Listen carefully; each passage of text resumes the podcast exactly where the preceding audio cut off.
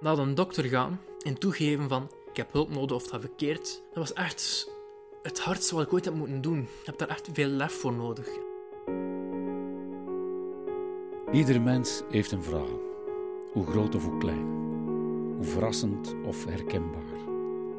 In Potvol Koffie vertellen gewone mensen over hun leven.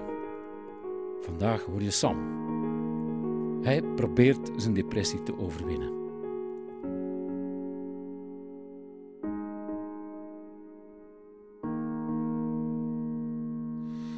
Was vroeger een zeer beschaamd kind. Als mijn ma bijvoorbeeld met mij naar de winkel ging en een van haar vriendinnen kwam naar haar, mijn ma toe en zei hallo tegen mij. Ik werd rood als een tomaat en ik, ik schuilde mij achter mijn ma. Ik was echt een beschaamd manneke eigenlijk. Een zeer beschaamd manneke. Dat was niet normaal. Daarom dat ik ook wel verbaasd ben dat ik nu kijk dat ik theater doe, want had dat tien jaar geleden tegen mij gezegd en ik zou het niet geloofd hebben. Maar ook wel met een zeer goede opvoeding. Wel een beetje een strenge vader, maar bij mij was dat braaf zijn of in de hoek. Dus ja. Mijn ouders hebben altijd wel best gedaan voor mij een goede jeugd te geven. En alles wat ze konden doen, deden ze. De tafel stond altijd vol bij Sinterklaas. Bij mijn verjaardag had ik altijd mooie, cadeautjes. Maar ze voelden het ook altijd wel. Dus ze hebben altijd hun best gedaan. Dus ik heb een zeer goede kindertijd gehad. Maar op schoolvlak was het een beetje minder. Omdat ik van de eerste kleuterklasje totdat ik geloof ik 12 ben gepest geweest ben. En dat was zeer intensief gepest. Dat was vooral door één iemand. En als die jongen begon, deed alle andere jongens mee. Als hij er niet was, deed niemand het. En daarom kon ik op duur ook niet echt meer onderscheid maken tussen wie is er echt kwaad jongens, mijn vrienden, en wie doet er gewoon om. Of zijn ze bang van hem? Ik, ik wist niet meer hoe ik moest denken. En daarom dat ik ook altijd met de meisjes omging, want die deden niet gemeen tegen mij. Die pestkop heeft mij zodanig gepest op het punt dat ik een keer weggelopen ben van school. Want ja, op de speelplaats met krijt overal dingen geschreven zoals... Hij is dik, hij is dom, hij is dit, hij is dat. Ik kende geen limiet in zijn pesten en ik was gewoon zo brood naar van dat ik weggelopen ben in de middagpauze naar huis gegaan ben, heel die verhaal tegen mijn ma en mijn pa zegt heb. We zijn toen teruggegaan, en dat tegen de directeur zegt. We zijn toen zelf teruggegaan naar mijn klas. De directeur heeft toen gevraagd aan mijn leerkracht van waar is Sam? En die, die leerkracht zegt van waarschijnlijk ergens in klas. Die had het zelf niet door dat ik weg was. Dus ja. Die tijd was een beetje een zware tijd. Maar ben toen naar een andere school gegaan dan heb ik eigenlijk echt wel vrienden gehad die ik nu nog steeds hoor, waarvan ik weet van als er iets is, als ik naar hun bel, gaan ze voor mij zijn.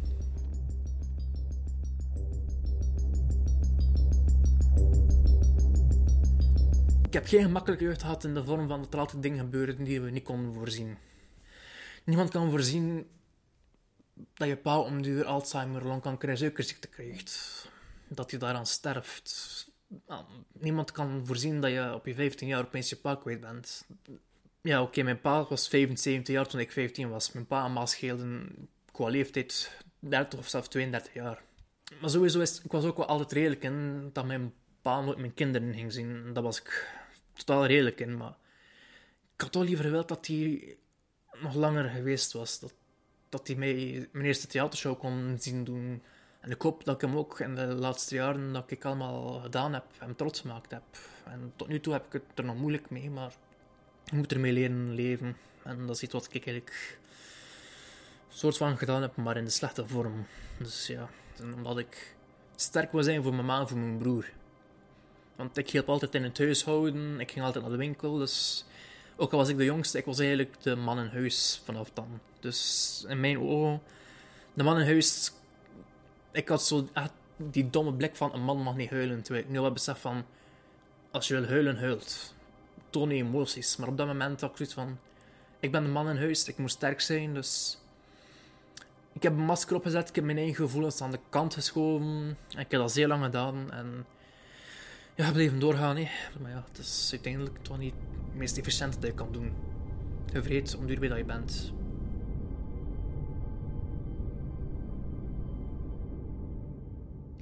We zijn nog zo'n goede vier tot vijf maanden in Moorselen blijven wonen. Het probleem is, ja, Ik ben daar opgegroeid, mijn ma heeft daar gewoond met man. En is dat iemand weg en zit dat huishouden, het voelt dat niet meer hetzelfde aan. Overal waar ik keek, ik mijn pa staan. En mijn ma zag haar man staan, mijn broer zag zijn vader staan. Dus op een gegeven moment voelden wij ons niet meer thuis. Dat was eigenlijk binnenkomen in een huis dat je huurt, maar zonder thuisgevoel. En op dat moment besefte we ook van, het kan niet meer verder, het lukt niet. Het werd ook vooral veel moeilijk voor mijn ma, want ze heeft eigenlijk altijd voor mijn pa gezorgd. Eigenlijk viel mijn ma een soort van zwart gat.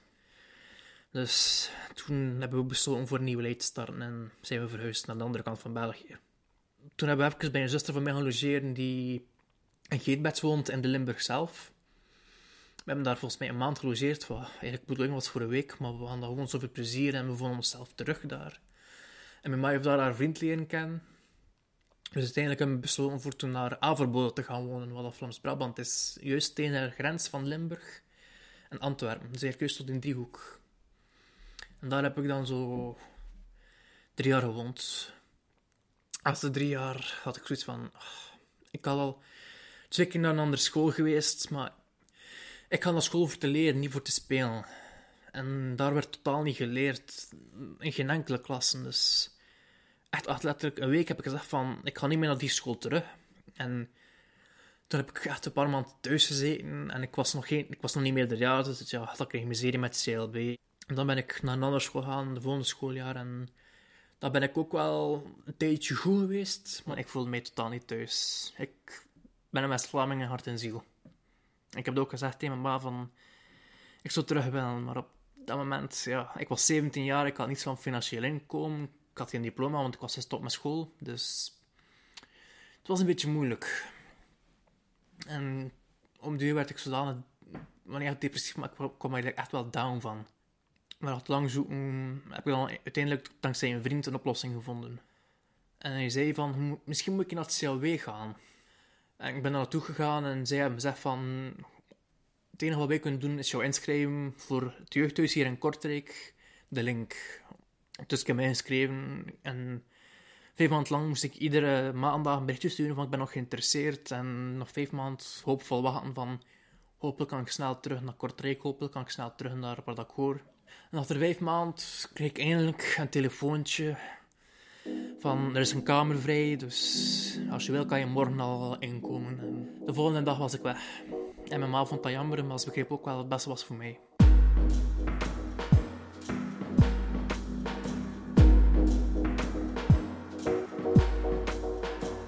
De link werkte in drie stappen. Ik had de eerste kamers, waar ze eigenlijk alles aanleerde, maar ik was eigenlijk alles al aangeleerd achter koken van mijn ma. Dus ik moest gewoon nog leren koken. En je zit in de kamers totdat ze denken dat je klaar bent voor de studio's achteraan. Dan moet je nog steeds op tijd thuis zijn, want door de deur gaan moest je doen met een badge. Achter de uren ging de badge niet meer. Dan moest je aanbellen en dat kon er voor sancties zijn. Dus we moesten nog op tijd daar zijn, maar wel minder regels. Ik kreeg meer verantwoordelijkheid, maar kon ook zelf beslissen van ik slaap tot 10 uur in plaats van 8 uur worden gewekt. Dus dat was nog een voordeel. En dat je die studio's gedaan hebt, kan je dan naar de studio's ernaast gaan, maar dan ben je ook volledig zelfstandig. Natuurlijk, als je een probleem hebt, kan je naar de begeleiding gaan. Ze zijn er nog steeds voor je te helpen. Maar jij beslist zelf wanneer je thuis komt. Met andere woorden, blijf tot vier uur weg. Had de sleutel, je komt binnen, dat was geen probleem. Dus eigenlijk was dat een soort van drie stappen huis. Dus het is wel echt de bedoeling dat je eigenlijk daar zit als tijdelijke opvang, dat je ook een dak boven je hoofd hebt en dat je iets tussen je tanden hebt. Het is ook wel de bedoeling dat je eerst weer klaarstoomt voor in de maatschappij te gaan, zelf iets te huren. En ondertussen al je papierwerk te regelen, dat je, als het zover is, als die termijn op is, je een studio kan zoeken. En vanaf daar is dan de bedoeling dat je zelfstandig in de wereld staat. Het was wel een leuke tijd, maar achter negen maanden was het toch voor mij de volgende stap. Mijn studio in hem. Zelfstandig wonen, rekening betalen, keuzen, uh, naar werk zoeken, uiteindelijk ook werk gevonden, naar werk gaan, opstaan, allemaal eigenlijk volledig zelfstandig.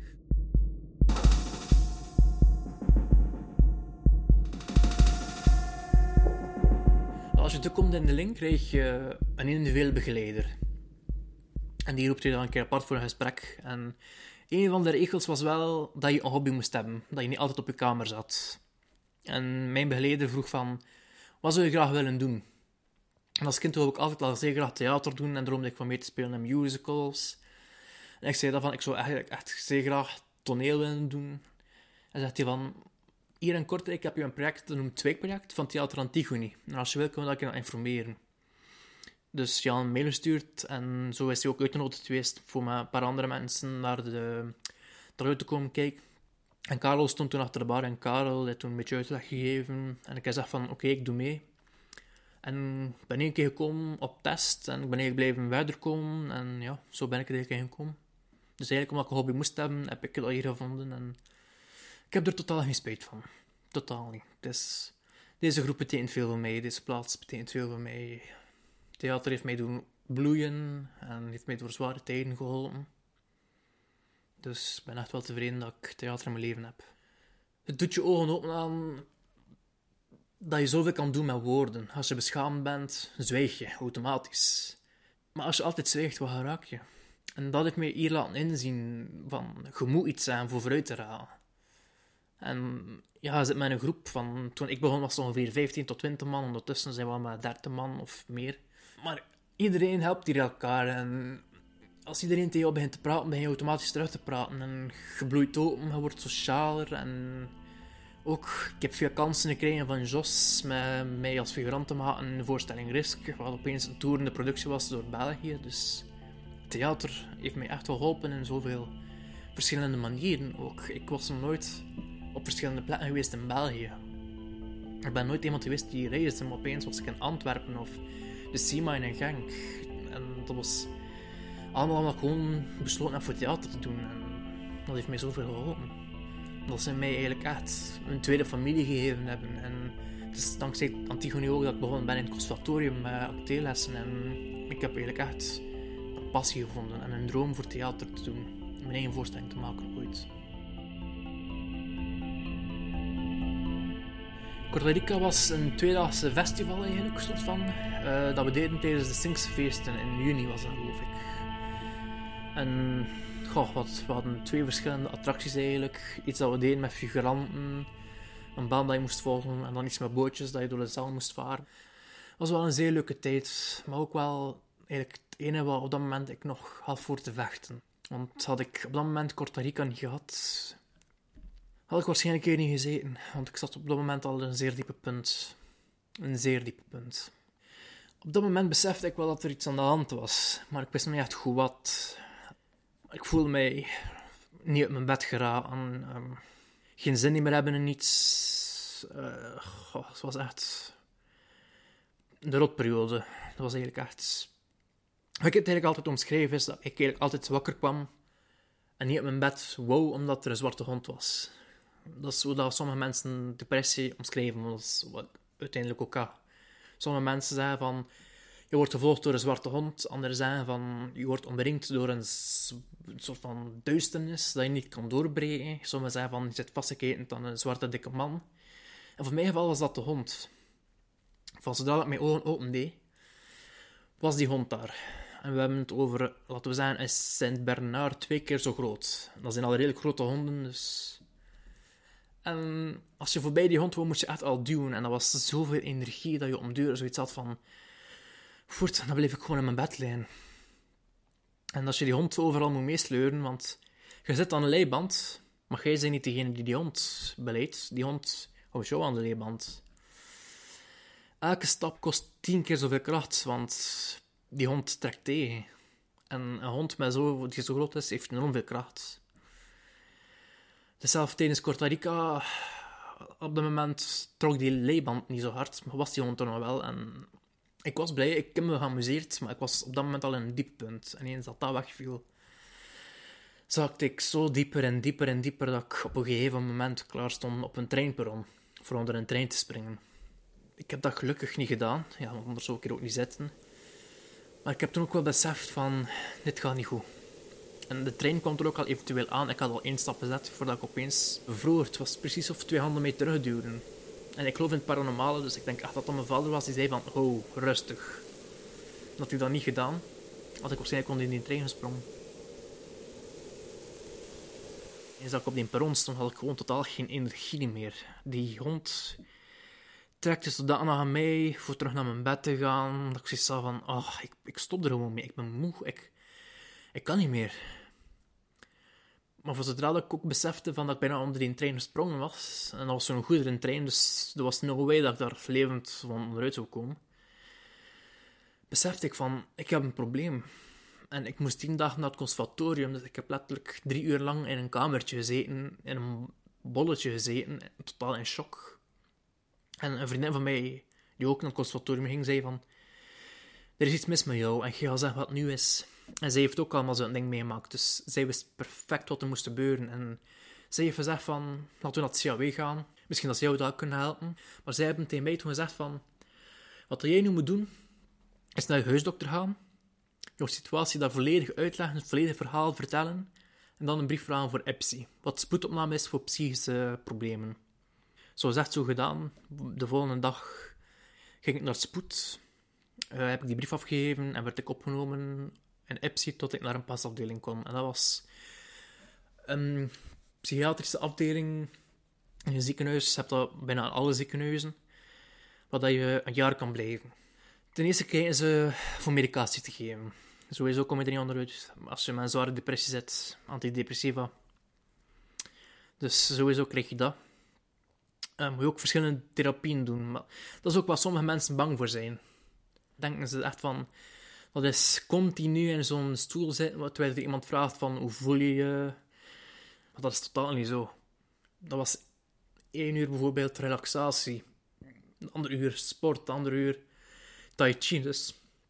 Maar was ook bezig met iets wat ze op dat moment een kortrijk balkmodel noemen. En dat was kijken van, wat zijn je steunfiguren, wat zijn je steunpilaren en wat was de reden dat jouw balk gebroken is. Want zoals ze het mij uitgelegd hebben, is iedere mens iedereen, maar niet uit hoe sterk ze in hun schoenen staan, hebben een draagbalk.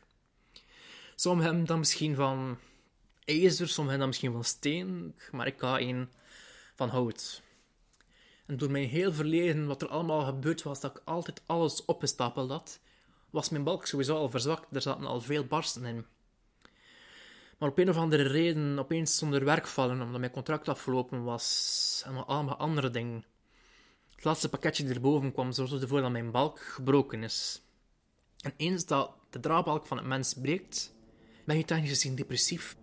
En mijn was al zo lang doorbogen dat ik eigenlijk al depressief was zonder dat ik het zelf besefte. Want ik had nog structuur, ik had mijn werk, ik had theater. Maar eens dat dat alle twee weggevallen was, eens dat ik tijd had voor te denken en dat continu op mijn bed lag, ja, begon ik te beseffen van er is iets meer aan de hand.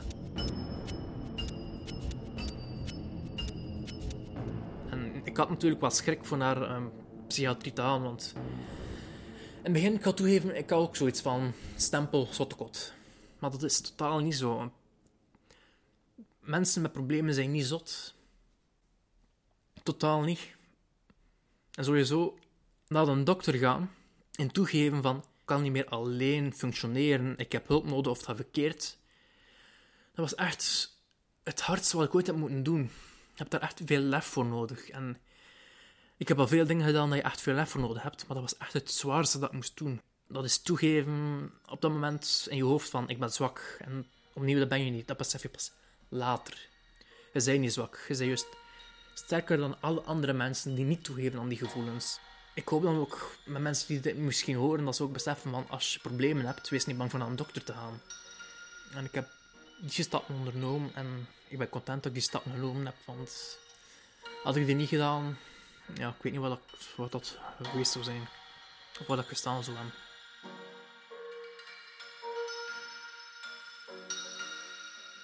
Als ik nu zo kijk waar ik nu weer terug ben, ik ben niet volledig terug mezelf. En ik denk niet dat ik dat ooit ga worden eens dat je dit meemaakt, wat ik allemaal meegemaakt heb, ga je daar tegen aan blijven. Maar uh, soms gebeuren er dingen die je zelf niet onderhand hebt, maar dan is het wel weer aan jou voor je leven op de goede baan te krijgen. En tegenslag gaat er sowieso zijn. Dat kan je niet vermijden. Dingen gaan gebeuren, maar natuurlijk, het is goed om je even slecht te voelen. Of ja, goed, het is niet erg voor je even slecht te voelen, maar je mag ook niet je laten overnemen. Op het einde ga je zelf weten, ik ben dapper dan iedereen anders. Ondertussen is de hond zo'n uh, irritante chihuahua geworden. is er wel nog soms af en toe. Maar het verschil met een dubbelgrote Sint-Bernard en met zo'n kleine Chihuahua is wel enorm groot.